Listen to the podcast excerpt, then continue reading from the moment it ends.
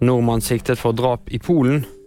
Siste åtte år har vært de åtte varmeste, og Tom Christiansen er død.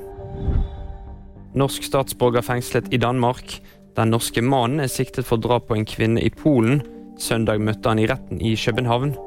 Et barn ble lørdag etterlyst av polsk politi etter at barnets 26 år gamle mor ble funnet drept. Barnets far, som er norsk statsborger i 20-årene, er mistenkt for drapet. Mannen ble pågrepet i Danmark. Han ble søndag fengslet i 72 timer. De siste åtte årene har vært de varmeste. Det melder Verdens meteorologiorganisasjon i en ny rapport.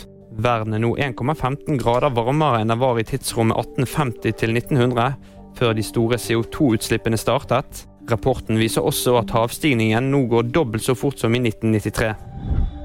Tom Christiansen er død, det melder NRK. Den mangeårige Afrikakorrespondenten døde lørdag morgen, det opplyser familien. Han var for mange kjent som stemmen fra Afrika, og var NRKs Afrikakorrespondent i to perioder. Kristiansen ble 72 år gammel. Det var VG-nyhetene, og de fikk du av meg, Kristoffer Gåsvær Torgersen.